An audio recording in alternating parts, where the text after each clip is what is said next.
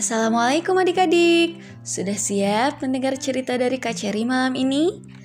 Kali ini kakak akan membacakan sebuah kisah dari buku The Perfect Muslimah karya Ahmad Rifai Rifan dengan judul Dream Action Pray. Ini tentang kisah gadis yang lain. Gadis ini prestasinya sejak SD sampai SMA nyaris tak terlihat. Sangat biasa. Tak pernah jadi juara kelas, gak pernah juara kompetisi ini itu, menjadi siswa yang rata-rata lah. Apalagi gadis ini juga berasal dari keluarga ekonomi lemah. Komplit lah sudah. Sudah prestasinya biasa, ekonominya pas-pasan pula. Tapi satu yang istimewa dari gadis ini. Ia adalah gadis yang ngotot meraih apa yang diinginkannya. Nah, saat itu gadis ini sangat ngotot pengen kuliah. Impiannya gak tanggung-tanggung. Harus kuliah di perguruan tinggi negeri favorit. Karena ia merasa otaknya pas-pasan, akhirnya ia belajar habis-habisan Pokoknya gimana caranya supaya biar bisa lolos tes seleksi masuk perguruan tinggi negeri yang ia idamkan. Singkat kisah, ia masuk di PTN yang ia idamkan. Setelah lihat pengumuman dan namanya tercantum sebagai salah satu siswa yang lulus seleksi, dia langsung sujud syukur. Dia seneng banget karena apa yang diimpikannya bisa jadi kenyataan. Seorang gadis dengan otak pas-pasan, dengan ekonomi pas-pasan, bisa masuk perguruan tinggi favorit. Baginya, hal itu adalah hal indah yang sudah dikaruniakan oleh Tuhan padanya. Tak lama kemudian, dia baru mikir, duit buat kuliahnya dari mana ya? Tentu saja dia bingung.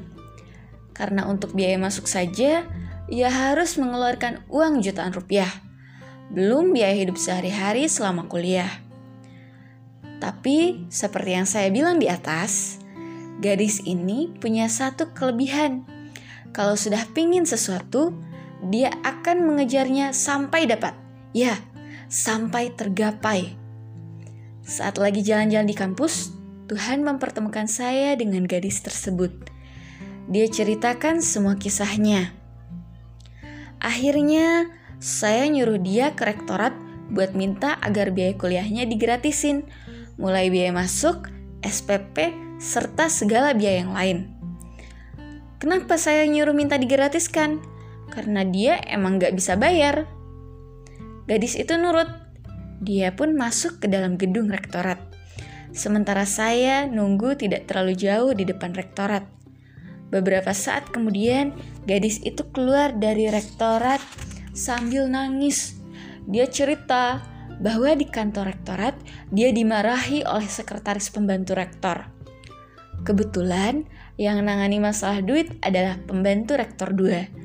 Jadi, dia belum menghadap pembantu rektor, baru sampai di sekretarisnya. Saya melihat tekad gadis ini sungguh besar. Gadis ini nggak mau nyerah. Dia akan pulang untuk mengambil uang yang sudah dipersiapkan oleh orang tuanya. Ternyata orang tuanya sudah menyiapkan uang untuk mengantisipasi hal ini. Tapi uang itu hasil utang. Tentu saja saya nggak tega. Kebayang betapa susahnya orang tua gadis ini nantinya. Akhirnya, saya suruh gadis itu pulang kampung dulu karena batas waktu daftar ulang masih sekitar semingguan. Dengan sesenggukan, akhirnya gadis itu pasrah pulang ke rumah. Tanpa bilang ke dia, saya mau ngusahain dulu maksimal tiga bag bagaimana caranya agar ini kuliah tanpa biaya. Saya bilang ke dia agar minta orang tuanya berdoa. Semoga dengan doa orang tuamu nanti akan ada keajaiban. Saya akhirnya menemui pembantu rektor untuk menceritakan masalah ini.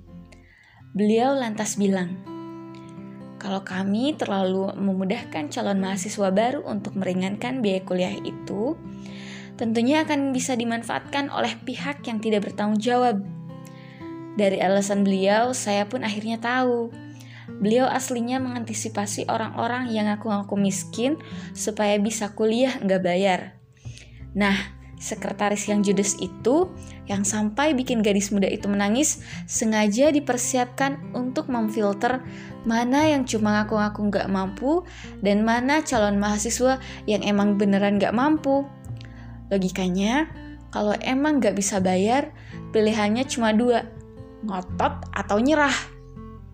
Yang ngotot itulah yang semangat kuliahnya emang tinggi. Sementara yang nyerah berarti niat kurang ya ngapain diperjuangkan? Singkat kisah, dengan perantara pembantu rektor 2, gadis itu dipertemukan dengan seorang dosen yang akhirnya bersedia membiayai kuliah gadis itu. Nah, dari cerita itu, apa yang ingin disampaikan? Ya, benar. Tentang kekuatan impian, ikhtiar, dan kerja keras serta doa. Inilah yang selama ini menjadi tabu bagi beberapa muslimah. Banyak yang pasif, banyak yang mudah menyerah, banyak yang merasa dirinya lemah sehingga enggan untuk bermimpi tinggi dan bekerja dengan keras untuk menggapai apa yang diimpikannya. Jadi, jangan pernah menyerah ya. Buktikan bahwa kita ini bisa. Asal legal, asal halal, kenapa harus minder? Kenapa harus takut? Kita berhak untuk meraih impian dan cita-cita yang tinggi. Jadi, kenapa harus membatasi impian kita?